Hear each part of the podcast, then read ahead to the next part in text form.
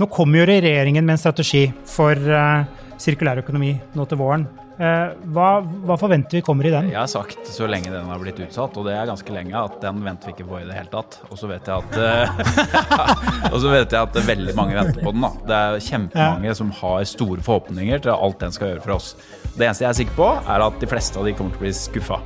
Uh, vår tilnærming har hele tiden vært 'just do it'. Det er ikke noe vits i å vente på det i det hele tatt. Og jeg har ingen tro på at politikere kommer til å, til å løse dette problemet for oss. Velkommen til podkastserien 'Teknologi og mennesker', laget av Athea og Oslo Business Forum. Vi har samlet de beste eksemplene på teknologi og digitalisering. Hvordan fikk de det til, og hva kan vi lære av dem?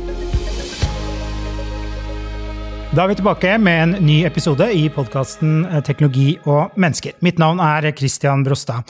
Aller først, tusen takk til alle dere som eh, lytter til podden hver eneste uke. Og det, vi er kjempeglade eh, når dere kommer med innspill til temaer vi kan ha med i podden. Et av disse temaene skal vi faktisk snakke om i dag. Siden begynnelsen av 70-tallet har det årlige uttaket av naturressurser tredoblet seg. Klimagassutslippene går opp, og vi har betydelige avfalls- og forurensningsproblemer. Bruk-og-kast-økonomien står nå kanskje for fall. Eh, vi skal i denne episoden snakke om sirkulærøkonomi, og noen av dere som kanskje så eh, NRK-programmet i går med sløse... Nå må du hjelpe meg! Sløsesjokket. Jeg ble faktisk sjokkert. Eh, den bør ses. Den gikk forrige uke. Eh, så vi skal da snakke om hva sirkulær økonomi er, og hvordan kan det gi din eh, virksomhet konkurransekraft eh, og et bedre samfunn å bo og jobbe og leve i. Vi har med oss to fantastiske gjester som sitter her som spente påfugler, eller noe sånt. Det er altså Thomas Mørk, som er direktør for innovasjon og bærekraft i Norsk Gjenvinning, og så har vi Katrine Barth, som er forretningsutvikler i Natural State. Velkommen til dere. Tusen takk.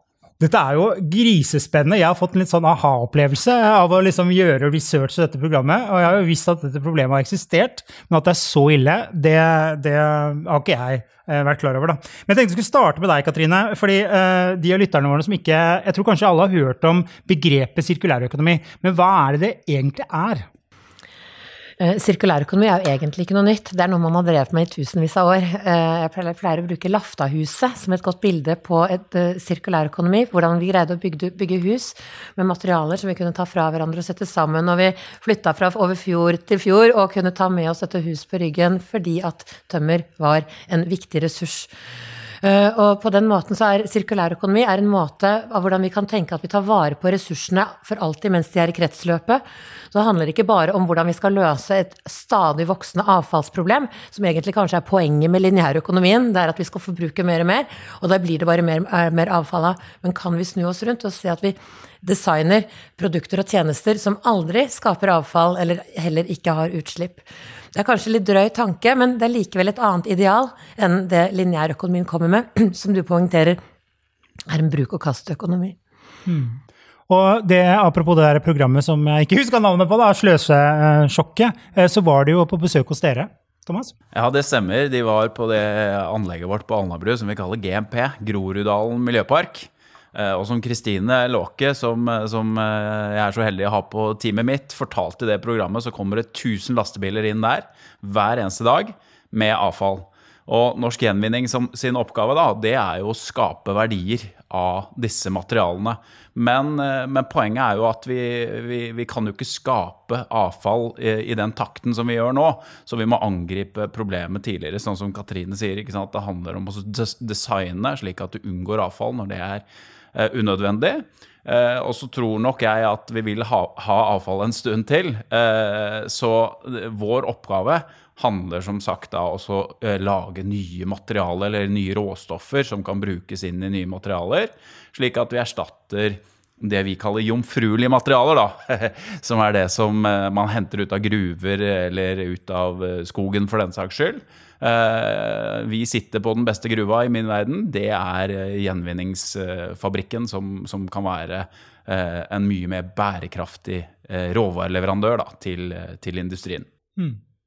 Det er fascinerende å se hvor mye som kom inn i disse svære er det haller, eller hva er det for noe? Nei, det er fabrikker. fabrikker altså dette her, det, man, man, man, er nødt til å tenke litt annerledes, tror jeg, på avfall enn det man kanskje har gjort tidligere. fordi For oss så handler dette om prosessindustri.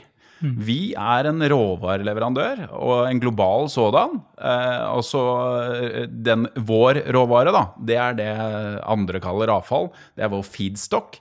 Eh, men det er ikke der det begynner. For oss så begynner det med hvor, hvor er det disse eh, råvarene skal anvendes. Eh, er det aluminium som skal til Hydro, eller er det gips som skal til Norgips, eller er det papir som skal til en internasjonal papirprodusent? Det er der vårt stålfokus er, da. For vi må levere på en kvalitet og en pris og en leveringsdyktighet som disse trenger. Og da må vi rigge prosessen deretter. Da. Det starter ikke med avfallet. Mm. Eh, så ja, det er, eh, det er enorme volum, og, og, da er vi nødt til å tenke på det i, i, eh, med en sånn type tilnærming. Da. Og det handler, det handler, mye mer om industri enn det handler om idealisme eller holdt jeg på å si, de, mindre, de mindre tingene, da, selv om det også har en plass, selvfølgelig. Mm. Katrine, du kjører jo en del kurs. Du skal vel ha et kurs etter vi er ferdige her også, uh, innenfor uh, temaet. Hva er ditt inntrykk av liksom, kunnskapsnivået hos norske virksomheter, ledere osv.? Jeg har inntrykk av at viljen er veldig god, men egentlig kunnskapen er lav. Fordi det er en litt annen måte å tenke på. Det er litt som å svømme motstrøms. Det, det går litt det, Men når brikkene faller på plass, så faller de på plass utrolig fort. Eh, så det er et eller annet sånn eh, For det er så motsatt. Vi er så vant til å tenke, tenke for mye avfall, eller 'oi, har jeg sortert nok', og masse dårlig samvittighet og Men som Thomas sier, det er et, egentlig et ganske sånn overliggende system, så når man først forstår hvilken del av det store systemet man er, da er det mulig å plutselig gå opp og trø inn i trappa og prøve å gjøre noe med det. Så vi ser jo et vanvittig skifte nå. Eh, vi ser noen aktører som mm, Jernia er et godt eksempel, hvor det bare en som har bare, konsernsjef som har gått og bare kartlagt hele verdikjøden sin oppstrøm, som det heter, tilbake til uh, produksjonslandet. Er, hva skal til for å kunne selge én og én skru istedenfor 20 av gangen? Hva er egentlig avfallsproblemet? Og følger det helt ut til eh, produktene fra denne butikken ender ute på anlegget i GMP ute hos Thomas. Og det kreves ganske mye. Det er veldig få som kan det. Ja, det er, jeg syns jo gjerne er et godt eksempel du drar fram der, da, fordi eh, ja, de har kartlagt, men de har også virkelig gjort noe. ikke mm, sant? Mm, ja. En av de første tingene de gjorde innenfor dette spacet, som de har fått mye oppmerksomhet for, var jo en returordning for, for panner og kjeler. Mm. Eh, og du vil ikke tro hvor mange steikepanner som havner i restavfallet, som betyr at de blir brent. Brenner jo ganske dårlig, disse jernpannene. Vi klarer faktisk å hente ut en del av det etterpå, men det får en forringa kvalitet. da. Men liksom gjennom å sortere ut ting rent ved kilden, da har du mulighet til å konkurrere med de jomfruelige råvarene. Da kan vi lage prima råvare.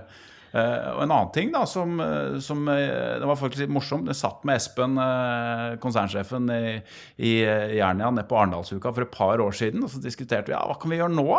Hva er liksom uløste problemer, da? Og da kom vi inn på keramikk, porselen. Og vi sitter her med kaffekoppen vår, den går gjerne i restavfallet eller den går med glassinnsamlingen. Og gjør den det siste, så ødelegger den kvaliteten på de glassflaskene som faktisk skal der.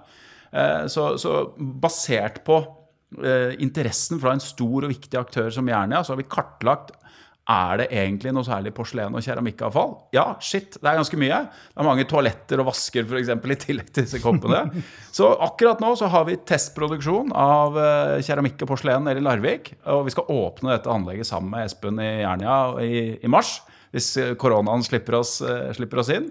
Men det er, liksom, det, det er et eksempel da, på hvor viktig det er at næringslivet driver fram dette. Fordi norsk gjenvinning, det vi skal gjøre, er å løse kundens problem. Da må vi vite hva problemet er, da. Så, så sånne type samarbeidskonstellasjoner er viktige, altså. Og det Thomas forteller her, det er så godt eksempel. For det er veldig Jeg pleier å si ingen går inn i sirkulærøkonomien aleine. Dette er det ingen som får til én og én. Mm. Er du Otta Elektriske, så har du ikke sjans. Mm. Du er nødt til å være en del av Er det bransjen din, eller er det liksom Også er vi vant til å være konkurrenter. Mm. Så det å trene ledermusklene på at vi skal begynne å samarbeide på en annen måte. Dele litt sånn uh, innsikt, altså dele forretningshemmeligheter. Og vi er vant til at vi uh, Og ikke åpne det store. Og når uh, Norsk Gjenvinning er i stand til å videreføre mer enn 50% av sine materialer, så er jo Thomas i kjernen på dette her. For vanligvis du, så får du egentlig bare en sånn mash-up av å blande rabarbragrøt og risengrøngrøt sammen. Det er nesten umulig å spise noe annet fornuftig ut av det. Så jo reinere fraksjoner du får inn, jo mer, bedre blir du og sånne som uh, avfallsleverandørene, uh, eller avfalls, og de som håndterer dette, det er jo de som skal forsyne uh, markedet med nye, gode kvalitetsråstoff som skal konkurrere med jomfrumateriale som kommer fra Kongo eller Kina. Men det er jo denne eh, brutte verdikjeden, eller disse kretsløpene, som i dag egentlig ikke fins. Vi har ingen eh, industri på dette, og det er dette jeg tror Norge kan bli veldig bra på, når vi begynner å fangste materialer eh, og liksom urban mining ute i anleggene i det som allerede er blitt avfall. Eller før det er blitt avfall, aller helst. Det er jo der det, det magiske skjer. Vi kommer litt tilbake til det etterpå, men eh, jeg er litt sånn bekymret, fordi uh, Jernia er kanskje unntaket, da, i hvert fall. eh, og de kjørte vel en kampanje også, 'ikke kjøp' et eller annet, i, i jula. Eh, men eh, det er noe med at besteforeldrene våre de eh, liksom levde under krigen og gud veit hva de drev med, og måtte gjenbruke og være flinke med de tingene. Kidsa føler jeg er ganske opptatt av dette her. Og så sitter det der litt sånn middelaldrende menn, oftest menn dessverre, i ledergrupper og er administrerende, og tar beslutninger. Og ikke forstår dette. Er dere bekymret? Ja. Hvorfor er du det? Jeg trodde aldri at jeg egentlig skulle jobbe med dette, men eh, jeg har vært så heldig å få jobbe i vanlige systemer i mange år. Jeg har jobba i mediebransjen, musikkbransjen, filmbransjen, telkobransjen, og eh, på et eller annet tidspunkt så lurte jeg på og som gammel journalist så er jeg så heldigvis utstyrt med å få lov å stille spørsmål med ting jeg ikke skjønner noen ting av. Mm. Og det å forstå, og etter hvert så lærer du mer og mer. Norge og Romania var de to landa som gikk på brun vekst. Resten av EU var i gang med en grønn omstilling. Riktignok så var kanskje dette skiftet drevet av EUs behov for uavhengighet, energiuavhengighet og andre ting. Men når du satt liksom midt i middagshøyden på ledernivå i et stort næringssystem, og så ser at det er søren meg ingen sin jobb å dreie om i det, den, den bærekraftige omstillinga vi skal inn i. Eh, eh, Hvem er det som skal gjøre dette? Du kan ikke overlate det til en miljøorganisasjon aleine. Det var ingenting i politikken som tyda på at vi skulle redusere eh, våre utslipp og skape mer bærekraft. Og så satt jeg midt i det som heter grønnvasking. Eh, skulle jeg gå god for, hvordan kan jeg gå god for det vi sier? Hva er bærekraftig? Jeg skjønte det ikke sjøl, så jeg måtte bare rett og slett ned inn i puddingen. Og så så jeg at kanskje vår generasjon, som er egentlig jeg tror vi, for det første så ble jeg si, Hvis ikke vi passer oss og lærer oss dette veldig fort, så kommer Greta-generasjonen, for det er de nye sjefene våre. De har ikke tenkt å, at vi skal vente på at vi skal skjønne sammenhengen.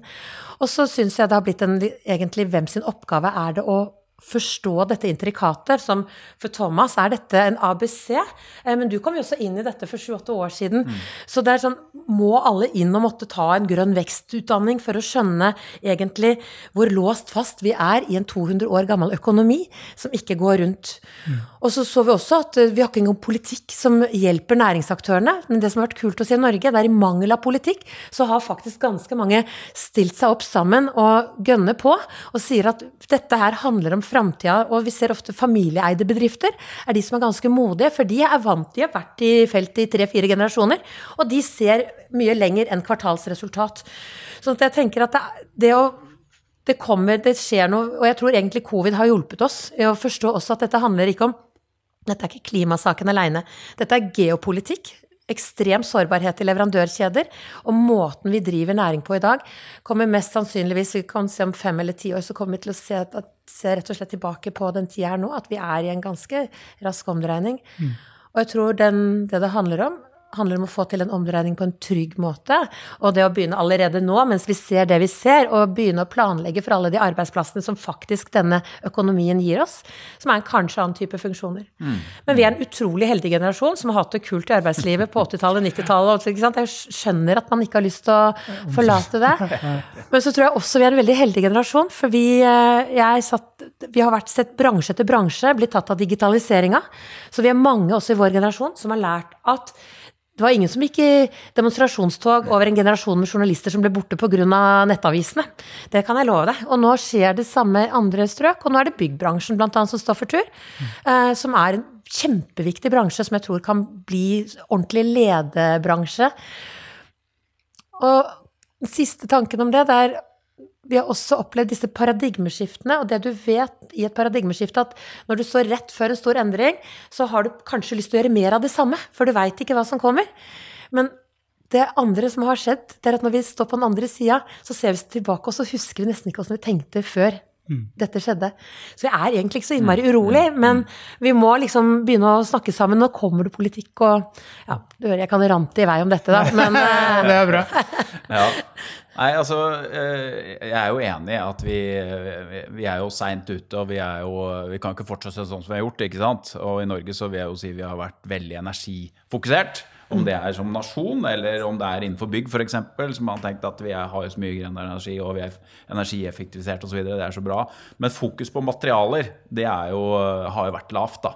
Men, men eh, jeg opplever at, eh, at fokuset hos næringslivsledere Eh, er eh, i, i, voldsom endring da, med tanke på dette temaet. er sånn. Vi har, vi har 40 000 kunder, eh, mange kundemøter. Det er ingen som ikke handler om sirkulærøkonomi og bærekraft lenger. Og sånn har det vært det siste året, halvannet, vil jeg si. Det var jo lovlig sent, det, men, men vi, er et, vi, er et, helt annet sted modenhetsmessig nå enn, enn det vi var var for et par år siden. Hva handler dette om, da? Altså, jeg tror jo at for for, for de, som, de, som, skjønner dette tidlig, selv om jeg syns ikke vi kan kalle det tidlig lenger, eh, så handler det om eh, Det handler ikke om miljø først og fremst. Det handler ikke om å ha en grønn profil eller omdømme først og fremst. Det handler om konkurransekraft. For de som lykkes med sirkulærøkonomi, de som lykkes med bærekraft, det er de som eh, integrerer det arbeidet i kjernestrategien sin. Ikke har en CSR-avdeling borte, borte, i hjørnet som driver med noe rapporteringsgreier og, og liksom uh, forteller noen historier. Uh, viktig å rapportere, altså, det er ikke det. Men, men det er de uh, aktørene som lykkes. Og jeg ser at det er flere og flere som gjør det. altså. og det er, det er, interessant at i bygg, byggebransjen, for jeg er helt enig, da har vi vært på barrikadene sammen lenge, at der er det fortsatt stort potensial. Men, men altså, som Katrine sier, vi vi sender 56% av det avfallet vi eh, håndterer, tilbake som råmaterialer. 56 eh, av hva da? 56% av en fjerdedel av alt avfall i Norge. Det er enorme mengder som vi håndterer. Over to millioner tonn avfall. Og det hadde vi ikke klart uten at kundene hadde lyst til å være med på dette. Og hvem er kundene våre, da? Er det AF-gruppen og Jernia og Coop osv.? Ja, det er jo det, men vi har kunder i begge ender, vi. Vi har de kundene som skal forhåpentligvis kjøpe eh, disse råvarene som vi produserer basert på avfallsbaserte råvarer. Og det er Norgips og Smurfit Kappa og Hydro og liksom hele den gjengen der. Eh, så vi må ha med oss eh, kunder i begge ender for å få til dette. Og når vi klarer 56% jeg har ikke sett noen andre som klarer det, for å skryte litt. Ja, det er lov. Ja, da, da, da, må du ha et næringsliv som faktisk ønsker dette. Altså. Og jeg ser det i større og større grad. Og, og, og, for å ha et nærings... Altså du, for å ha et marked så har du jo både leverandører, sånn mm. som dere er, men du må også ha en etterspørsel. Så mm. jeg føler at jeg Min oppgave har vært å skape et marked, eh, utvikle et marked, og få markedet til å ønske eh, mm. og foretrekke eh, materialer som har vært i kretsløpet, stole ja. på det. I mange bransjer så bryter du jo loven, og ingen har jo lyst til å bryte loven. Mm. Så det å egentlig detektere alle de hindringene som står i veien for å ha lyst til å bli en av dine mm. kunder, Mm. Uh, og det er en systemblikk også. Forstå at uh, det er helt fantastisk det dere gjør, men hvis ikke de 75 eh, andre mm. din, av aktørene som skal bli materialleverandører. Eh, at man har mangel på standard på hva Hvis du ikke stoler på gjenbrukt aluminium, mm. da er det mm. for mye slag og søl i dette, så vil du ikke. Eh, næringslivet de trenger trygghet, og de skal levere trygghet til sine kunder. De skal til og med levere enda lengre garantitider. Da må du jo vite at selv om stålet har vært brukt før, så er det enda bedre kvalitet enn det som er, kommer fra et annet sted. Og dette er nye kunnskaper. Dette er nye nye måter å bruke teknologi på. Nesten all teknologi fins som vi trenger mm. til å bruke det, nei, til å få det til. Um, Men det vi kanskje har gjort i Norge, vi har sovet litt i timen. Eh, som Thomas sier, vi er veldig trent på å tenke fornybarhet i forhold til energi. Eh, og nå kommer det skiftet. Men det jeg tror vi er enda mer trent på, når vi liksom går inn litt i hjertet og ryggraden og DNA-et, så kan vi ressurs mer enn noensinne. Fordi går vi én eller to generasjoner tilbake, så er det ingen av oss som ikke har en eller annen farmor eller mormor som har vært eh, festkar eller jordbruker eller hatt noe med faktisk Vi er så heldige å være et ressurs- og råstoffland. Eh, så jeg tror vi liksom Det er både næringslivets oppvåkning, men det er også en ganske menneskelig oppvåkning. Eh, å forstå at det handler om natur. Og vår relasjon til naturen, og vi skal behandle alle liksom systemene våre Altså det som skal inn i verdikjeden, skal tåle å gå tilbake til naturen, eller fanges opp i et annet kretsløp. Mm. Så det er mange men, men, det å bruke næringslivets moteord, det har hjulpet mye. Um, Og det å gå inn i økonomispråket og mm. forstå at Paul Samuelson, som egentlig gjorde lineærøkonomien populær, eh, han eh, lagde jo verdens mest solgte, leste økonomihåndbok. Du har jo bankbakgrunn, og du veit jo liksom hvor skjelvne bankfolk blir hvis vi er litt sånn utafor boksen. Så, og det å få snakke med Det er endring der òg. Ja, det skjer litt der òg. Men, men, når vi da og det skjønne at den Econ 101-boka, som ligger til grunn for enhver økonomiutdanning fra 40 40-50-tallet til 2010. Eh, den var bygd på en modell, og vet du hva den modellen så ut som? Den etterligna en hydraulikkmotor. Mm. Og hvorfor lagde han en sånn modell? Det var fordi det var ikke en økonomistudent som sto på Stanford på slutten av, eller på, på slutten, eller da, holdt på å si etter andre verdenskrig, som måtte lage et økonomispråk som selv omskolerte krigsingeniører kunne forstå. Og da tegner han opp hydraulikkmotoren. Og hvordan ser den ut? Det er jo et lukka system. Det er liksom en ventil inn og en ut. Og så lagde han ikke engang de innsatsfaktorene som er ekte, som er naturressurser, og det som er ut, er avfall. Han tegna den som et lukka system, hvor det selv ikke Det var ikke engang en ventil som kunne liksom, Men du hører det økonomispråket også. Ja, nå heter it's heating up og uh, alt sammen. sånn at vi må også forstå at lineærøkonomien er ikke en sannhet. Det er en måte å tenke på som satte seg som hardwire i økonomihjerner mm. i mange tiår. Og det betyr også vi kan godt tilgi den måten å tenke på, det er bare at den funker ikke lenger. Mm. Eh, nå vet vi at vårt århundres utfordringer handler om at naturen er en begrensa ressurs. Den gang trodde man at den var uendelig. Men jeg tenker jo det du sier Og, og det er litt sånn, og det er bare å avslutte, ja. fordi dette økonomispråk For når du da går inn og snakker med økonomer og sier dette handler ikke om hvor vanskelig det er å bli sirkulærøkonom, men den lineærrisikoen. Og nå tenker jeg liksom oi, er det en lineærrisiko i dette? Mm. Ja, det er det. Risikoen ved å bare ta inn jomfrumaterialer, risikoen ved å bare selge produkter som er nødt til å ende som avfall ute hos deg, og som aldri kan hentes tilbake. Men så kommer det som er morsomt. Risikoen ved å ikke være i stand til å samarbeide. Så når vi snakker om konkurransekraft, så tror jeg vi forandrer språket og snakker om konkurransekraften. For den som vinner mm. Her, den vinner på samarbeidskraften. Og så er det fjerde er risikoen for du ikke er i stand til å endre deg selv mens du går, altså innovasjonsevne. Og den femte er liksom omdømmen, det ryktet, tilliten. For nå vil vi vite hvem som har orden på kjøkkenet. Mm. Vi orker ikke flere tiår med grønnvasking nå. Det har ikke tid til. Mm. Men det du sier med økonomi, er, jeg tror det er ekstremt viktig. Da, fordi, fordi altså, måten å bevise bærekraft på er at det blir eh, bedriftsøkonomisk mm. lønnsomt. Eh, og hvorfor er det viktig? Jo, fordi da skalerer det. Alt som ikke er lønnsomt, det dør over tid. Eh, så, så, det er et veldig viktig grunnleggende prinsipp i seg selv. For vi må huske på hva er det vi konkurrerer med her sånn? Jo, det er de jomfruelige råvarene da, som vi snakket om. ikke sant? Og skal du være konkurransedyktig mot de, så må du ha lave kostnader per enhet produkt eller råvare du produserer. da. Og da må du ha skala, eh, og du må ha en, en sunn økonomi i bunn. Og så bare for å sette et litt sånn bilde på det, i fare for å bli litt sånn avfallsnerd, da. Vi liker det. ja, jeg, jeg, digger det, selv om jeg tok den Økonomi 1.0-boka i sin tid. Men, men, ikke sant, husk på det. Hva, hva er vår råvare? Den er møkkete, den er forskjellig. Den, du vet ikke hva du får, du vet ikke når det kommer. I disse dager så er det fullt av is. ikke sant? Det er en ganske kompleks råvare, i motsetning til den rene bjørka eller den malmen du tar inn som er lik hver eneste gang. Det greiene her sånn skal vi omdanne til et, en råvare som er minst like god som den eh, som vi konkurrerer mot, og helst ikke til noe høyere pris. Det, tro meg, det, vi starter der. eh, og det betyr at du må ha veldig robuste produksjonsprosesser. Og siden dette er en tech-podkast, det som er vanskelig, er å få til det i skala. Det å få til ting i pilot Det kan være vanskelig, det, altså. Men, men som Elon Musk sier, du må ha mye mer fokus på maskinene som lager maskinene. For det er, det er der klukset sitter, da. Eh, og det er det, vi må, det det vi må få til. Eh, både for å løse problemet, men også for å, for å skape konkurransekraften da, som, som, trengs for å gjøre dette økonomisk, og sånn at vi kan slå ut disse ikke-bærekraftige materialkildene. Mm. Jeg begynte å teste litt på ord. Hvor går igjen så bærekraft? Da blinker man ofte liksom tre ganger. Men eh, det jeg har fått eh, noen tips testa, det er varighet. Jeg liker veldig godt det svenske ordet holdbarhet. Og så har det liksom mange forstår man det ikke hva er bærekraft eller ikke.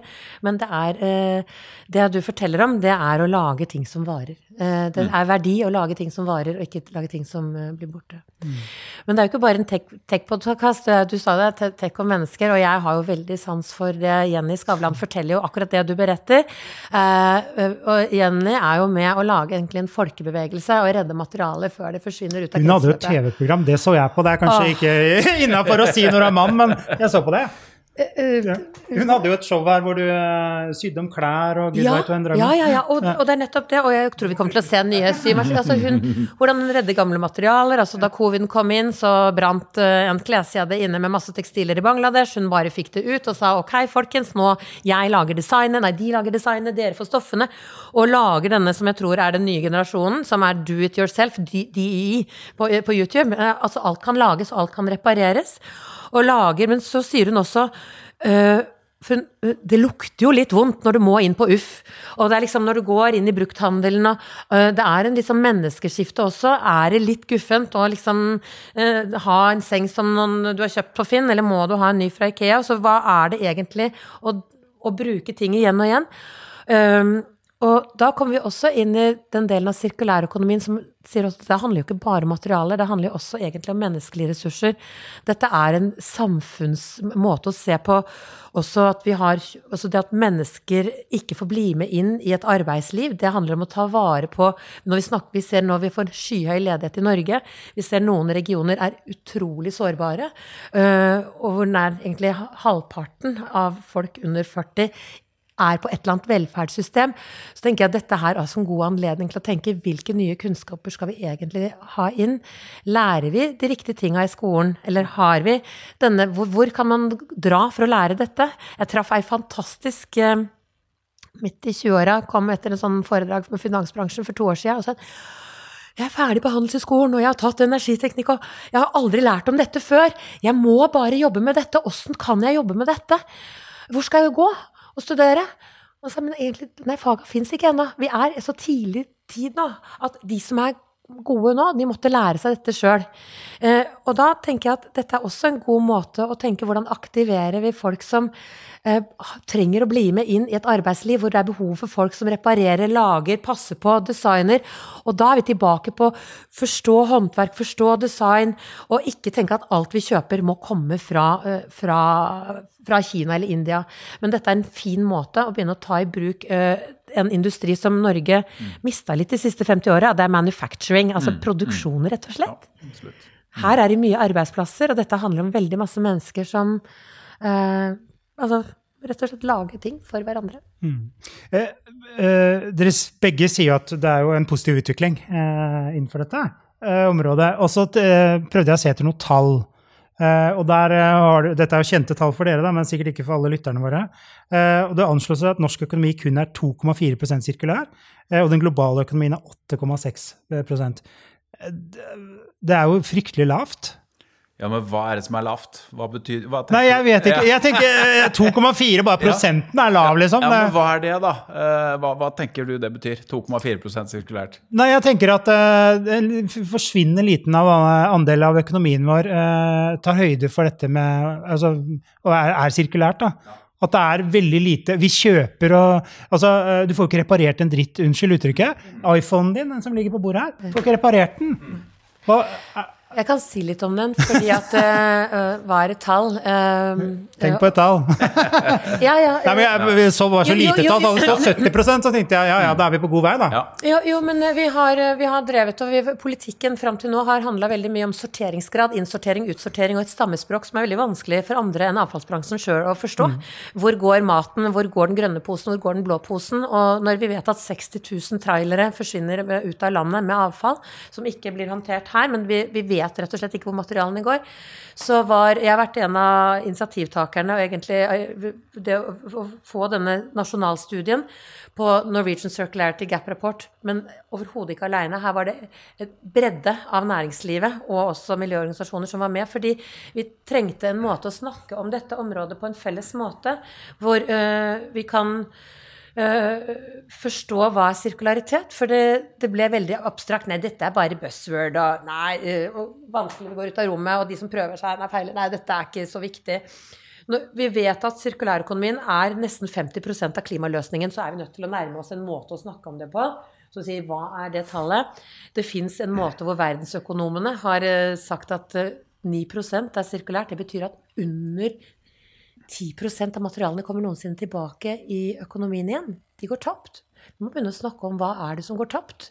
Når vi ser at dansk byggeriindustri skal prøve å bygge sirkulært, men de har ikke tilfang på råstoff fordi har, materialene har gått tapt for lenge siden, lenge før de kunne begynne å nytte det igjen. Og så var vi så heldige at vi fikk satt sammen og være egentlig Norge ble land nummer tre som brakk ned dette nitallet ned på nasjonsnivå. Kan vi måle nasjonaløkonomi? Og særlig en åpen økonomi som Norge, som er så importavhengig og egentlig eksportutsatt. Så øh, var det interessant å se hva skjer hvis vi får et tall som gjør at vi kan snakke sammen, men ikke minst få et bilde hvor vi måler hva går inn og hva går ut.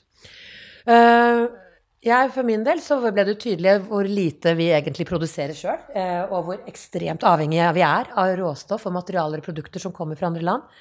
Og hvor lite vi er i stand til å designe, altså bestemme hva er det egentlig vi får inn i vare- og forsyningskjedene våre. Så vi kan godt si, men det som vi hadde litt veddemål, da. Ja, vi, vi er sikkert 14, 19, 29. Eh, så jeg brukte et halvår i forveien å gjøre klart at det kan være at tallet er lavt. Og hva skjer da? Så jeg tror det at Norge fikk et tall som var liksom lavere enn verdenssnittet. Og vi vet at Nederland kommer ut med 24 Hva er forskjellen på Norge og Nederland da? 2,4 Norge, 24. Da syns jeg at dette er en fin måte hvor Norge og Nederland kan snakke sammen om industrielle erfaringer. Hva er det som gjør at modenheten i Nederland gjør at man greier å bevare ressursene i kretsløpet? De starta sju år før oss, det er jo én ting. Så det betyr at jeg har masse håp at dette går veien i Norge også. Nei, altså det, det jeg tenker om denne rapporten, da Jeg har jo, har jo vært litt kritisk, det vet du, Katrine. Men, men det er noen ting som det er lett å være enig om. Og det er jo at den gir et bilde på hvor lite av materialene og produktene vi omgir oss med, og ikke minst importerer, som er laget basert på ikke-jomfruelige råvarer, resirkulert råvarer f.eks. Og det, det, er jo vår, vår hovedoppgave nummer én, å endre det. Men, men, men liksom 2,4 Grunnen til at jeg stiller spørsmål om det, er at mange tror at å, er det det vi gjenvinner? Nei, det er det jo ikke i det hele tatt. Det handler om at vi heldigvis mye mindre blir avfall enn de materialene som tilføres økonomien gjennom nye produkter. Som jeg sa tidligere, i norsk gjenvinning så, så gjenvinner vi 56 tilbake til materialer. Nasjonen som helhet er et eller annet sted på 30-tallet. Så det er viktig å ikke misforstå hva det egentlig, egentlig handler om. Da. Det har vært, det har vært poenget mitt i, i, forhold til den debatten. Da. Mm. Det har vært en spennende diskusjon, og det er det som kanskje var målet. Det, eller det, altså jeg tenker bare, så, La oss si at vi greier å måle annethvert år, da. Mm. Jeg er ikke så opptatt om det om det var to eller 90. Altså, poenget er at vi, vi, er i gang med et felt som skal flytte seg, det skal flytte seg raskt. Og der må vi begynne å måle eller snakke om noe som funker, som flere kan snakke om. Mm. Så, så, bare det at man debatterer og diskuterer, mm. for det, gjorde, det, har vi ikke vært i stand til før, fordi vi har ikke visst hva vi skal snakke på. Dette er en type tall som ikke er tilgjengelig. Noen må være helt langt inne det for å vite hvem i MDIR er det du skal finne dette. Altså, sånn kan vi ikke ha det. Um, men så har du den andre, sant, som hva blir til avfall, og hva går til lagring? Fordi i den diskusjonen da, som Kanskje kunne det vært litt lettere hvis vi ikke hadde hatt covid, hvor vi kunne faktisk sitte i åpne rom og snakka sammen. Det var kanskje litt av planen også. Så tenker jeg at dette Jeg jobber med en annen del, og det gjør du også, byggbransjen. Fordi at vi låser inn en haug med materialer inn i byggemasse, sånn at vi vet at det som er morgendagens uh, råstoff, det er de veggene i det huset vi er i dag. Uh, hva hvis vi visste hvor mye stål som var i denne bygningen, og den dagen denne bygningen er riveklar, og du kan liksom bestille 'jeg vil ha så og så mye' ut og ikke, så kan faktisk bygge, den som eier dette bygget, vite hvor mye materialverdier, og klargjøre det for neste eh, marked. Og dette, nå er vi tilbake på teknologi igjen. Så hva skjer når ethvert material kan tagges, har en identitet, når alle alle materialer, tekstil og altså både tekniske og biomaterialer, er sporbare. Eh, det var det som også jeg syns det fargekartet viser. Det er en analog tegning. Nå blir det litt vanskelig å fortelle om, men den, den forteller ressursstrømmer. Altså at noe mm. går og kommer et sted. Og det er kanskje den oppvåkningen vi alle trenger å vite. Og så kan vi snakke om er jeg i handelen eller er jeg i prosessindustrien? Hva skjer på bruk og forbruk? Og det som er spennende å se, er, når vi da ser hva er det hva, det er hva skal til for å endre dette? Det er egentlig poenget. Hvor står slaget? Eh, hvem kan gjøre noe med dette? Og når vi forstår at kanskje en av grunnene til at over 20 000 bygninger rives i året, så er det fordi vi har et økonomisk system som nedskriver og avskriver verdien på bygningen. Så etter ti år så har den egentlig ikke noe bokført verdi. Og det betyr ikke at den ikke har en materialverdi, men i dag så er ikke vi i stand til å eh, beskrive den, eller regne den, eller telle den, eller føre den, eller formidle den. Men la oss si at du har eh, et eh, registersystem da, som faktisk til enhver tid viser at denne bygningen, om den er 10 eller 50 år gammel, består den av så og så mye aluminium, malm, marmor, kopper. Og så kan du benchmarke egentlig råstoffverdien i bygget med realtime råstoff på råstoffbørsen i London. Og etter hvert som råstoff, jomfruråstoff, øh, blir knappere og går opp i pris, så vil kanskje denne bygningens verdi øke i pris, i materialverdi. Mm. Dette er sånn vi kan se at plutselig kan kanskje faktisk den, øh, også eiendomsbransjen bli disrupta. Alle vi som kommer fra andre bransjer, når en avis ikke Du kan få gratis nyheter, men hva, hva, hva er disruptbart i eiendomsbransjen? Ja. Og det er faktisk hvis en bygningsverdi også regnes i materialverdien og ikke bare kvadratmeterprisen, da begynner du å legge inn noen X-faktorer som kanskje gjør at du forvalter bygningsmasse på en annen måte. Du investerer i varige materialer fordi at du vet at dette her har et sekundært marked den dagen denne bygningen plukkes fra hverandre. Og den kommer til å plukkes fra hverandre. Den blir ikke knust og grust som en mm. annen mm. rabarbragrøt. Mm. Så det er liksom også en måte å kunne diskutere på da, når vi snakker om 2,4 mm. eller 24 eller hva det er. Men at vi er i stand til å telle de verdiene vi faktisk har i Det ble en kommafeil, da. 2,4 eller 24? Nei, men jeg synes vi, skal, vi forlater, forlater, den, men den sier jo, gir oss i hvert fall noe å snakke om. Eh, du nevnte eh, tidligere, Katrine, at eh, når det er fravær av politikk, så finner andre aktører veien, på en måte. Nå kommer jo regjeringen med en strategi for sirkulær økonomi nå til våren. Hva, hva forventer vi kommer i den? Jeg har sagt så lenge den har blitt utsatt, og det er ganske lenge, at den venter vi ikke på i det hele tatt. Og så vet jeg at, ja, vet jeg at veldig mange venter på den. da. Det er kjempemange som har store forhåpninger til alt den skal gjøre for oss. Det eneste jeg er sikker på, er at de fleste av de kommer til å bli skuffa. Uh, vår tilnærming har hele tiden vært 'just do it'. Det er ikke noe vits i å vente på det i det hele tatt. Og jeg har ingen tro på at politikere kommer til å, til å løse dette problemet for oss. Og så sier jeg ikke at mål og på en måte rett retning fra politisk hold ikke har noe å si. Jeg håper ja, at det kommer noe fornuftig, for å, si det, for å si det på den måten. Men for meg så er retningen så tydelig. Altså, eh, De som går foran her, er ikke de som sitter eh, oppe på Stortinget. Det er EU. Og de har satt en stake i bakken for lenge siden. De sa i 2018 innen 2020 skal 70% av alt materiale fra byggebransjen gjenvinnes eller om, eh, ombrukes. Mm. Og da var vi på 30% Jeg trenger ikke å vente på hva de sier på Stortinget for å, for å bevege meg i den retningen der sånn. Eh, I 2020 så leverte vi 70 gjenvinning av, eh, av byggeavfall til store kunder som Joddem f.eks. Eh, så, så liksom, det å, det å vente på en marsjordre, det er det ingen som trenger. Og da kommer vi tilbake til det jeg sa i stad. Bruk sirkulærøkonomi, bærekraft, som strategiske fortrinn. Det, det, er liksom hovedpoenget mitt rundt, rundt det her. Mm. Jeg skulle ønske jeg kunne være uenig, men uh, jeg er uh, veldig enig. Jeg lytter mye og snakker mye. Nei, men, men jeg, har fulgt den litt. Altså, det jeg har gjort siste åra altså, Fordi Norge er et EØS-land, uh, så har Hadde politikerne våre vært genuint interessert i dette, hadde vi sett dette vært diskutert i næringskomité, i finanskomité, eh, i årevis. Til nød har det dukket opp i energi- og miljøkomiteen, og når vi studerer de land i Europa hvor man har fått til de nasjonale strategiene, så er de i stor grad leda av næring, handel og økonomiske myndigheter. Mm. De to landa hvor det er leda av klima og miljø, så er det statsministeren som har initiert det, og det har satt i gang et sånt samarbeid i Tyskland. Så er det bl.a. kunnskap og forskning, og Frankrike er veldig industrielt. Sånn at det faktum Og, og så har vi jo naboland i Norden som allerede har gått løs på dette. Og jeg tenker at så mye jeg har fulgt prosessen, så hadde vi satt inn jernet på de minste å lære hva jeg gjorde i Finland i 2016, Danmark 2017 og Sverige 2019. Men det, er nesten, det virker som det er ikke noe nordisk sammenkobling. Så det jeg har jobba med de siste to åra, det er egentlig å se greier vi å utvikle et nordisk marked på sirkulærøkonomi. Så vi kan begynne å egentlig gå nivået høyere enn norsk politikk eller svensk politikk, men greier vi også å finne en nordisk For dette trenger markedet. Alle de små fraksjonene som skal ut. Så vi trenger mye større volum og etterspørsel. Og begynner vi å se på etterspørsel i Norden Norden så ligner vi litt på Canada. Da er vi nesten 30 millioner forbrukere, og da kan vi plutselig snakke om forbrukermakt. Og det andre er at da kan vi begynne å sette politikk sammen. Men det er fint at for en strategi, for det er i hvert fall uh, en grunn til at folk ikke må sitte stille lenger. Nå har det vært lov å sitte stille lenge. Fra den strategien kommer, så må man begynne å rulle og bevege seg.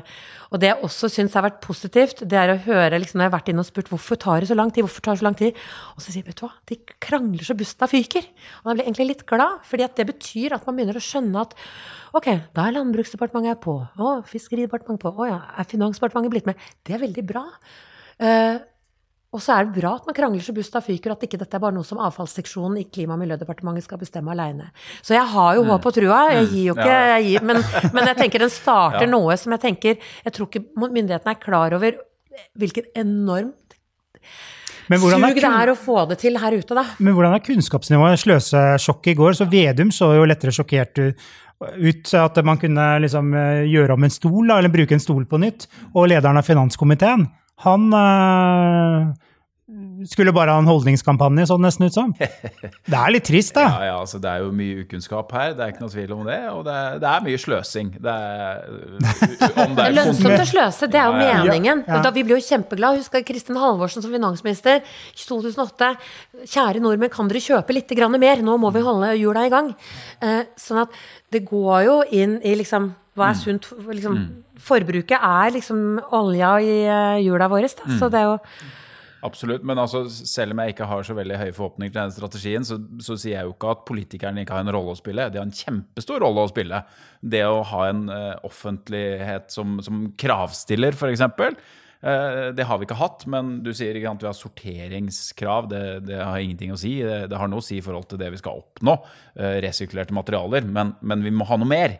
Uh, og, det, og, det, tenker jeg at uh, f.eks. For gå foran da, og still krav til sirkularitet. Uh, still krav til andel ombruk eller andel resirkulerte uh, råstoffer i materialene. Sånne type krav vil ha enorm effekt i forhold til at det vil være innovasjonsdrivende. det vil være Eh, det vil være eh, utviklende for det norske næringslivet. Den type rolle. Og så er en annen ting som ikke er sexy å snakke om i det hele tatt. Det er, sånn, det er så mange barrierer i small print i regelverket som forhindrer dette eh, i praksis hver eneste dag. Altså den utviklingen som vi alle egentlig ønsker. Ja, så Eksempel. Vi satte opp en gipsgjenvinningsfabrikk i Holmstrand for to og et halvt år siden. Gips havner på deponi, en evig gjenvinnbar ressurs. Eh, Der har vi tatt nå 100 000 tonn gipsavfall eh, på to år.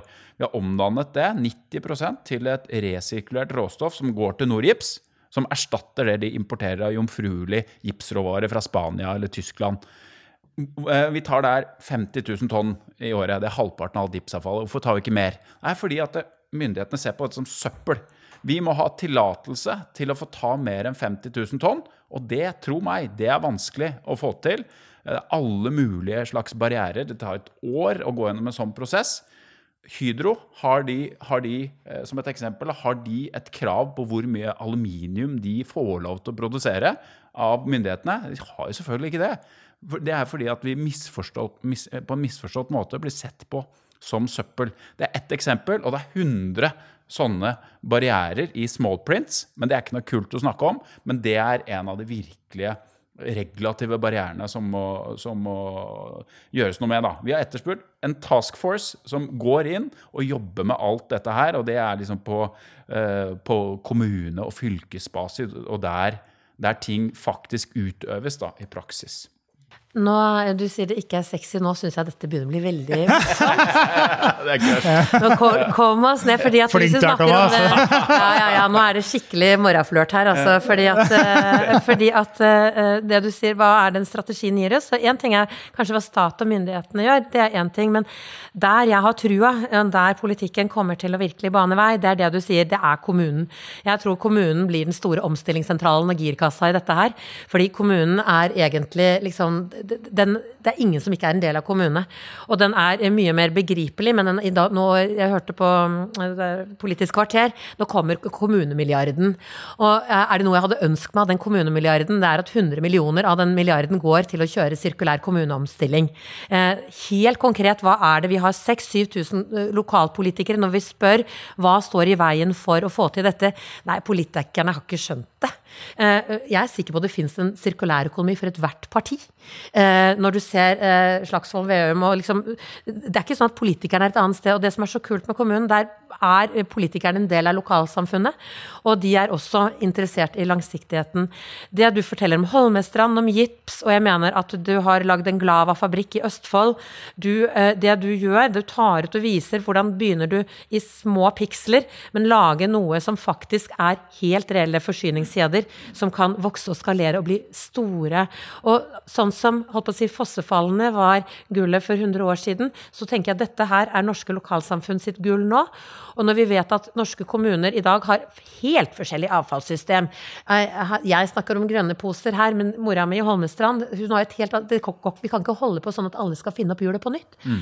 Så jeg drømmer om å lage en sånn norsk modell for sirk sirkulær kommuneomstilling. Fordi det er ikke så vanskelig, og kommunen er et ganske logisk system. Eh, og er det noe Men også der havner det på klima- og miljøsjefens spor og avfallssjefens spor. Men når vi setter oss ned og snakker med næringssjefen vet du, og Handelsforeningen og Næringsforeningen, så er det sånn Da begynner det også å skje noen ting. Uh, bruker Glasgow var invitert i hele verden til seg selv som utstillingsvindu for noen år siden. Glasgow er et kult case fordi det ligner litt på norske byer. Postindustrielt samfunn, høy ledighet, mye tjenestenæring og handel, lav utdanning, mye offentlig sektor. Og på tre år så kjørte de nesten en sånn full turnover. Og ved å liksom måle hva går inn, hva kjøper og handler vi her, alt fra liksom universiteter, offentlig sektor, hvordan Og så greide man å sette sammen hva går ut. Og så begynte vi å se ok, hva kan vi gjøre av alt dette avfallet fra bakeriene våre? Å ja, men vi er jo et litt sånn øl- og whiskyland. Kanskje vi skal begynne å bruke råstoff fra bakerinæringa? Og jaggu meg så satte de ikke i gang å begynne å lage eh, både øl og whisky på avfall fra eh, bakeriene i byen. Mm. Og dette handler jo om det er sånn Nydelig. Er ikke det fint? Du spurte om kompetanse hos næringslivet. Jeg har litt eh, lyst til å, å peke på kompetanse i myndighetsapparatet. Ja. Det er en veldig konkret case. Jeg liker det konkret. Uh, vi har Forestia, den største plateprodusenten i Norge, altså treplater, sponplater eh, som holder til på Braskereidfoss ved, ved, Elverum. De fikk akkurat avslag på en, eh, på en stor søknad om støttemidler fra, fra virkemiddelapparatet. Det de skulle gjøre, var å erstatte produksjonen sin, hvor de kun bruker jomfruelig flis, eh, treflis, med avfallsbasert flis. Er det mye sånn treavfall, eller? Ja, det er én million tonn. Det er enorme mengder. Og for at vi Eh, og våre konkurrenter skal kunne gjenvinne det i industriell skala, så er vi nødt til å sende det til Sverige, til Polen, til Skottland. For der har de skjønt det. Der har de skjønt at det å bruke avfallsbasert råvare, det er noe de ønsker. Men i Norge så ser vi, eh, nå skal jeg være litt stygg mot virkemiddelapparatet, der ser de veldig snevert på et punkt i verdikjeden. Nei, her fikk du ikke høy nok CO2-gevinst ved å erstatte eh, jomfruelig med resirkulert råvare. Så da er det bedre å, å støtte noe annet, da. Eh, men der mangler man verdikjedeperspektivet. For dette handler ikke bare om CO2. Det handler om, om eh, også biologisk footprint. da. Og så handler det om konkurransekraft. Fordi jeg tror når Norgips kan ha 20% resirkulert innsatsfaktor i sin gipsplate, så vil de vinne morgendagens konkurranse Ikke bare mot andre gipsprodusenter, men mot de som lager konkurrerende produkter i andre materialer. Så Sånn vil det også være for en Forestia eller for andre typer aktører. De er nødt til å bli sirkulære for å, for å være konkurransedyktige i fremtiden. Og det er utrolig synd at ikke eh, faktisk da eh, norske politikere, myndighetsutøvere, eh, hjelper til å få det til å skje. da. Og så blir det veldig konkret på en sånn case, men jeg har sett i mange tilfeller hvor man ikke evner å ta inn over seg verdikjedeperspektivet. Og Det har også vært tilfellet med Enova, for eksempel, som har delt ut enorme summer. Det er ikke bare mange av tilfellene, det er jo regelen. Mm. Det er nesten umulig å komme inn og lage innovasjonsprosjekter eh, mm. på sirkulær lest, fordi at ja, hvem skal tjene penger på dette da? Eh, men går du inn i verdikjedeperspektiv, så må du faktisk gå inn sammen. Og så kan mm. det godt være det er ikke sikkert noen av oss kommer til å gjøre det. Kanskje kommer vi sammen til å finne et felles problem, og så må vi lage noe nytt. Mm. Må vi lage en ny bedrift eller en ny teknologi. Vi trenger Å ja, vi, her kunne trengt maskinlæring. Eh, det kan være noen nye kule folk som gjør det. Men men disse eh, økosysteminnovasjonene, eller verdikjedeinnovasjonene, mm. det er kanskje en av de tingene som gjør meg litt sånn mørk til sinns. Eh, det du forteller der. Så de som lykkes og har fått til dette, de må, gå, de må snike seg unna virkemiddelapparatet eh, og gjøre det selv. Vi gjorde det jo sammen for noen år siden, såkalte Byggfloken, hvor man setter seg ned en haug med aktører. Vi finansierte det selv, det var ikke en krone fra det offentlige. Men setter to-tre millioner sammen, og så spleiser man. Men det vi fikk ut av det, var en felles kunnskap. Og når 25-30 aktører får felles kunnskap, der var bare advokater med. Hvorfor er advokatene med i et innovasjonsprosjekt? Jo, fordi vi hadde lært av Statsbygg at den største barrieren, den er i kontraktene. Kontraktene våre er eldre enn internett. Mm, mm. Ikke sant? Kontraktsinnovasjon. Internett er gammelt. Ikke sant? Og prøv å snakke med Enova om dette. Vi mm. trenger nye kontrakter for nye forretningsområder. Dette her er eh, mm. Mm. Men det er veldig morsomt, da. Det er jo det. Men det bringer til å liksom runde av på en av du er jo liksom ekspert, du sitter jo med hele norsk gjenvinning. Jeg er jo, får være så heldig å være en som lærer og lærer og leter etter hvem skal jeg lære av nå. Og en av dem som jeg har lært mye av, det er en statsleder, Jyrki Katainen, som vi er så heldige å ha i Norden. Og jeg tenker at vi skal se litt til liksom de nordiske lederne våre, også skape våre egne ledere. Vi trenger mange Jyrki Katainer. Så har du Flemming Besenbakker som leder Carlsbergfondet. Djerve som greier å snakke om dette i hele setninger og liksom ikke gi så tvil. Men det Jyrki han kom, han leda den, den, delen som har med innovasjon og vekst og entreprenørskap i EU. Det kan kanskje derfor det tok litt tid før vi hørte han i Norge, for vi er vant til å høre på klima, miljø og avfall. Men nå er han tilbake i Finland igjen og generalsekretær for Sitra-fondet, som er et litt sånn, sånn slags sånn petroleumsfond på litt, litt, ja, litt morsommere, kanskje? Eller det er litt, det er litt Hva er det for noe fond, liksom? Avkastningen går til å fornye Finlands framtid. De putter jeg sprøyta hundrevis av millioner inn i Finland, som faktisk gjør at dette er ikke et politisk eller næringsprosjekt. Det har vært egentlig en fantastisk heliumboble som de har drevet med. Så det å lytte til hva Jyrki Katainen sier, er to viktige drivere for neste århundre. Og det er å forstå sirkulærøkonomien. Det er i den verdiene skal skapes. Og så sier det, så kommer det en annen ting. Og det andre er AI, artificial intelligence, og maskinlæring. Og disse går nøye hånd i hånd. Og det er kanskje det som jeg drømmer om i Norge, at hvor vi har den fantastiske offshore-teknologien, vi har den eh, jobba med systemdesign tidligere, helt superflinke teknologer. Men den dagen vi får liksom dryppa inn dette sirkulære, de, som er vokalen i deres alfabet, så bruker vi faktisk den norske tek tekststyrken til å redesigne systemene våre til noe som er gangbart, så gjør vi det Jyrki Katainen mm. sier. Vi setter maskinlæringa for å faktisk monitorere bruk og merbruk og varighet, og vi begynner å rapportere inn. Så dette handler ikke om å gjøre noe nytt en annen gang, men å starte nå med det som er riktig vei å gå. Mm. Eh, Thomas, eh, jeg tenker eh, Nå sitter jo noen tusen og hører på det her. Også, dere har snakket om samarbeid, konkurransekraft, verdikjeder. Herregud, jeg som bedriftsleder, hva gjør jeg? Må jeg endre forretningsmodellen? Hva, hva er liksom de viktigste rådene? Hvordan skal man gripe an tak i dette? For dette kommer. Og vi må gjøre dette. Ja. Det er i hvert fall viktig. Og så tror jeg man skal Man skal ikke få veldig høye skuldre, fordi Da får du vondt i nakken, ja, er da får du vondt i nakken, ikke sant? så nei, altså det er, jo, det er jo mange måter å se dette på, men jeg ville jo, vil jo fokusert på materialintensiteten, da.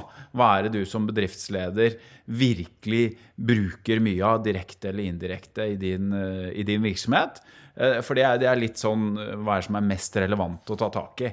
Og så, og så er det sikkert ikke så lett å gjøre det, da, for det er ganske fjernt fra å drive IT-selskap eller handelsbedrift eller hva det enn måtte være. Så da må du, da må du søke råd da, hos noen som eh, kan hjelpe deg på veien, rett og slett. Og mitt råd der er å søke råd hos noen som sitter tett på, fordi at dette her her er djevelen i detaljene, altså. Eh, så, så, eh, så, som det å Jeg opplever at mange innenfor sirkulærøkonomi er veldig konseptuelle. Eh, og sirkulærøkonomi det utøves i industrien, det utøves i vernesko. Det utøves på en måte i praksis mye mer enn fra skrivebordet. Så, så liksom det å eh, dra med deg de folka som kan hjelpe deg med det, det er, det er ekstremt viktig. Jeg kan gi et konkret eksempel. I Norsk Gjenvinning har vi et rådgivningsselskap som heter Revise. Eh, og en av kundene vi har hjulpet der, det er eh, Oslo Vognselskap, heter de. Det er en del av Sporveien. Det er de som eier alle trikker og T-baner osv. Når vi starta jobbe med de for et par år siden, så sa de vi skal bli Norges mest sirkulære selskap innen 2023. Ja, det er kult. Hva, hva betyr det? Ja, vi ser på trikken. Vi demonterte en av disse gamle blåtrekkene og fant ut den, at den var 91-92% materialgjenvinnbar. Men de skal bli 100 de. Hva må, hva, må, hva må de gjøre da? Eh, Da spør de oss. Eh, jo, eh, da må du unngå farlig avfall, for det skal ikke tilbake i kretsløpet. Ja, hvordan unngår du det? Ja, du må samarbeide i verdikjeden din. Du må påvirke leverandørene dine og leverandørene til leverandørene dine. Ja, Hvordan gjør du det? da? Jo, det har vi noen erfaringer med. Så vi leverte et stykke arbeid til de som handlet i stor grad om hvordan de skal samarbeide med de som var viktigst for de. Og det vil jo kunne være forskjellig fra bedrift til bedrift, men det er liksom så konkret må det være. Og så kan det selvfølgelig handle om nye forretningsmodeller, sånn som dere i Athea har gjort. Så se på liksom, hvordan kan du bruke IT-utstyr om igjen eh, gjennom å reparere og på en måte redesigne osv. Og, så videre, og skape en forretningsmodell av det. Et annet eksempel. Men, men liksom, du må bli dønn konkret eh, ganske fort. Eh, ikke på en måte komme deg vekk fra powerpointen over i virkeligheten. Da. Det, det tror jeg. Og så er svaret forskjellig avhengig av hvor du, hvor du kommer fra. Tenker du, Katrine? Hva er ditt perspektiv? Hva er ditt, din viktigste råd? Er, vi er der nå. Jeg har lyst til å vise noe som jeg har laga sjøl. Det er dette. Det er en Nå knepper hun opp. Det er ikke bra. Nå knepper jeg opp her. Og ser du denne nåla her? Og det var egentlig for å være ei som liksom går og skravler om dette. Men jeg hadde lyst til å ha et symbol som er liksom sirkulærøkonomien. Kan du beskrive hva du Og dette her er et, liksom fem sirkler, det er et gammelt symbol. Men det er liksom, jeg tenkte at dette motiverer meg litt. Altså det du gjør, lærer et sted, det lærer du et annet sted, lærer et tredje. Så jeg tenkte det er et slags ikon for um, Men tenkte skal jeg lage et jakkemerke? Nei, jeg skal ikke lage noe mer som lager mer søppel, eller som krever mer av jorda. Eh, Men kan jeg ringe til en sånn gadget-leverandør og si greier du å lage dette i et material som har vært i kretsløpet før? Ringte deg til tre, til fire, til fem, og så sa nei, det går ikke, det går ikke, vi kan lage det. Vil du ha det i bransje, vil du ha det i plast, vil du ha det Nei, det ene jeg bryr meg ikke om hvilket uh, material, men lov meg noe som har vært i kretsløpet før. Og dette er handshaken til det Thomas trenger. Thomas trenger innkjøpere som spør etter vi vil ha produkter. Det eneste vi vil vite, er at materialene har vært i kretsløpet før. Yes. For har du gjort det, så har du egentlig gjort det som er riktig. Og da øver du deg selv og huet ditt og han. Og så plutselig var det en som ringte etter to-tre dager, og det var liksom en uke før Arendalsuka for noen år siden. Så sa han Vi har funnet det! Her har vi! Vi har uh, gjenvunnet messing! Da, ok, da kjøper vi 100 sånne gjenvinninger med messing. Og så fikk vi liksom de vi møtte i Arendal. Ok, her har vi Vi vet at dette har vært i kretsløpet før. Og det er det veldig få som vet. Og det er kanskje det som nå, litt på byråkratsk, kommer til å hete sirkulære anskaffelser. Eller liksom går du på jobben, og jobber du i teater, eller jobber du i Sporveien. Men alle kan gå og si åssen er det med oss? Veit vi, kan vi prøve å være en av de som faktisk hver gang vi kjøper noe nytt, så spør vi Veit dere, kan vi få noe som har vært i kretsløpet før? Det er skikkelig skikkelig Mm. første, førsteklasseoppdragelse. Altså, og og oppsiden er jo enorm da, ved å, ved å på en måte gjøre de riktige tingene her sånn. Og bare for å liksom, se på oss selv, norsk gjenvinning, vi er nesten 100 år gammel, startet som skraphandler ikke sant? og har bygget oss opp eh, over ganske lang tid, og er nå fire ganger større enn eh, neste konkurrent i Norge. Men vi er i ferd med å bli internasjonale. Eh, Vi bli, eh, altså vi er størst i Norge, nummer to i Norden, og vi har internasjonale ambisjoner. Vår, vår misjon heter nå, banket gjennom av styret før jul, at vi skal akselerere verdens overgang til en effektiv sirkulærøkonomi. Så nå norsk gjenvinning, ganske traust navn kanskje, vi digger det, eh, skal eh, gå internasjonalt eh, og har Så Det er liksom bare et bilde da på hva et konkurransefortrinn, for dette har blitt et konkurransefortrinn for oss.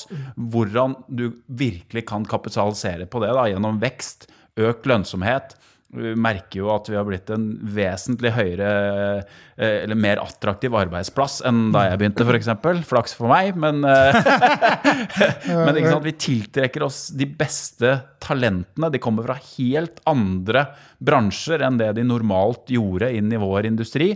Så liksom, det er så mange positive greier rundt å gå ta, være litt modig da, på dette området.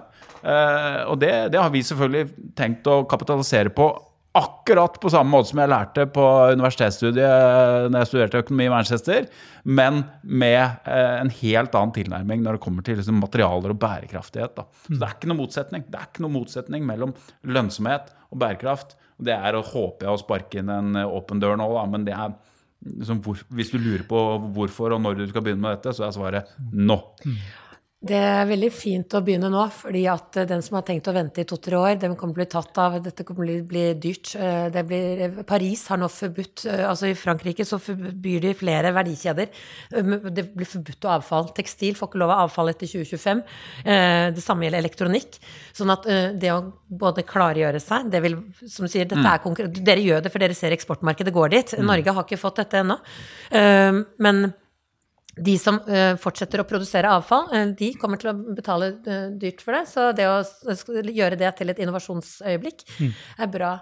vi ser Nederland følger de nederlandske bankene, faktisk, som har egentlig drevet denne litt sånn økonomiske revolusjonen. og hvordan har det seg at ikke de vil finansiere hus- og eiendomsprosjekter etter 2023? så hvor man ikke kan garantere for en så så stor grad av gjenvinningsgrad i materialiteten, spurte banksjefen. Ja, hvilken regel var dette? Hva slags lov hadde nederlandske myndigheter kommet? Nei, vi trenger ikke noen lover. Mm, dette er jo fordi at vi vet at disse husa den, Begynner man å bygge sånn, så bygger vi hus for varighet. Det er det som er lønnsomt for oss og våre investeringer og vår låneportefølje om noen år. Mm. Og jeg skulle ønske at vi hørte flere når du sier dette er å slå inn åpne dører. Her er det ganske mange skyvedører ute og går unna. Men uh, vi, er, vi, er, på vei. Mm. Dette kunne vi ha pratet om i timevis, det er så interessant. Men vi må jo også få med oss vår faste spalte. Digitale vaner. Bli kjent med gjestene ved å snoke deres digitale liv. Hva gjør de egentlig på nettet? Hvilke favorittapper har de? Er det streaming eller linær-TV som gjelder? TikTok eller Snapchat? Vi spør i Teknologi og mennesker. Da skal vi snoke litt i de digitale vanene deres. Og nå ser Katrine helt sjokkert ut, men uh, dette er ufarlig, jeg lover det. Eh, greia er da at uh, dere får to alternativer, og så må dere velge et av disse alternativene. Og det er strengt forbudt. Uh, ikke Erna-stemplet, men det er strengt forbudt å velge, finne på et tredje alternativ. Da. Det går ikke. Skal vi begynne med deg, Thomas? Okay. digitale eller fysiske møter? Fysiske møter. Fysiske? Fysiske. Ja, ja. Dere hater det kjøret vi er på nå? Nei, jeg hater ikke, men jeg jobber med innovasjon da, og kreativ brainstorming og det å kunne stå rundt en tavle og jobbe med teamet.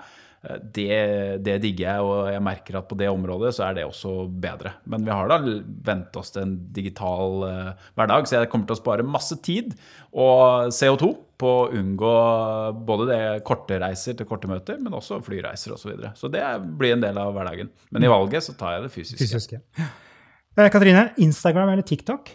Instagram. Instagram. Er du på TikTok? Nei. Nei. Hva med deg, Thomas? Datteren min på ti debatterer hver dag at hun skal på TikTok. Så eh, prosjektet mitt i helgen er å sette meg litt bedre inn i om hun skal det. Jeg er ikke der. Du er ikke der. Jeg er på Instagram. Ja. Tredje, eh, Katrine. Eh, emoji eller tekst? Emoji. Emoji. Hva er favoritt-emojien? Det er um, Det er grønn spire, grønt firkløver, grønt hjerte. Selvfølgelig. Wow, det var dypt. Ja. Bra. Nei, jeg tror jeg er på det spøkelset med henda i været og tunga ut, jeg. Ja. det er der du er. Nest siste her, eh, ringe eller sende meldinger? Ringing. Ringing. Ringer du mer nå?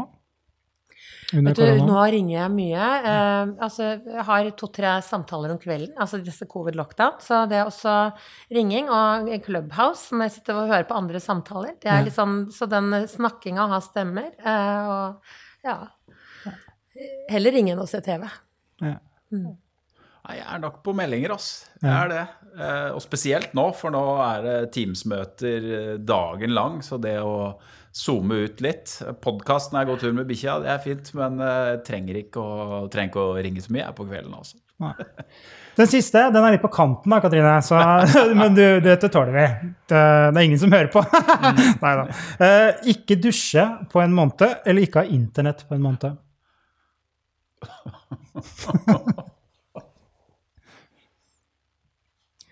Nei, da tror jeg nok eh, Nei, da tror jeg kanskje ikke dusje. Ja. Ja. Nå ser vi jo ikke noen folk, så det betyr jo ingenting. Nei, det, jeg, jeg, jeg, tenkte dette gjør jo ingenting. Jeg kan jo ta seg rundt i, i heimen min.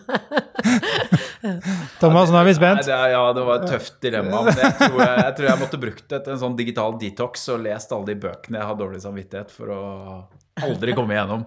Så jeg tror jeg dusjer, jeg. Du dusjer, det. Ja. det er bra. Eh, Katrine og Thomas, tusen takk for at dere kunne være med. og Jeg er sikker på at det er mange som har lært noe her nå og blitt inspirert, så tusen takk for det.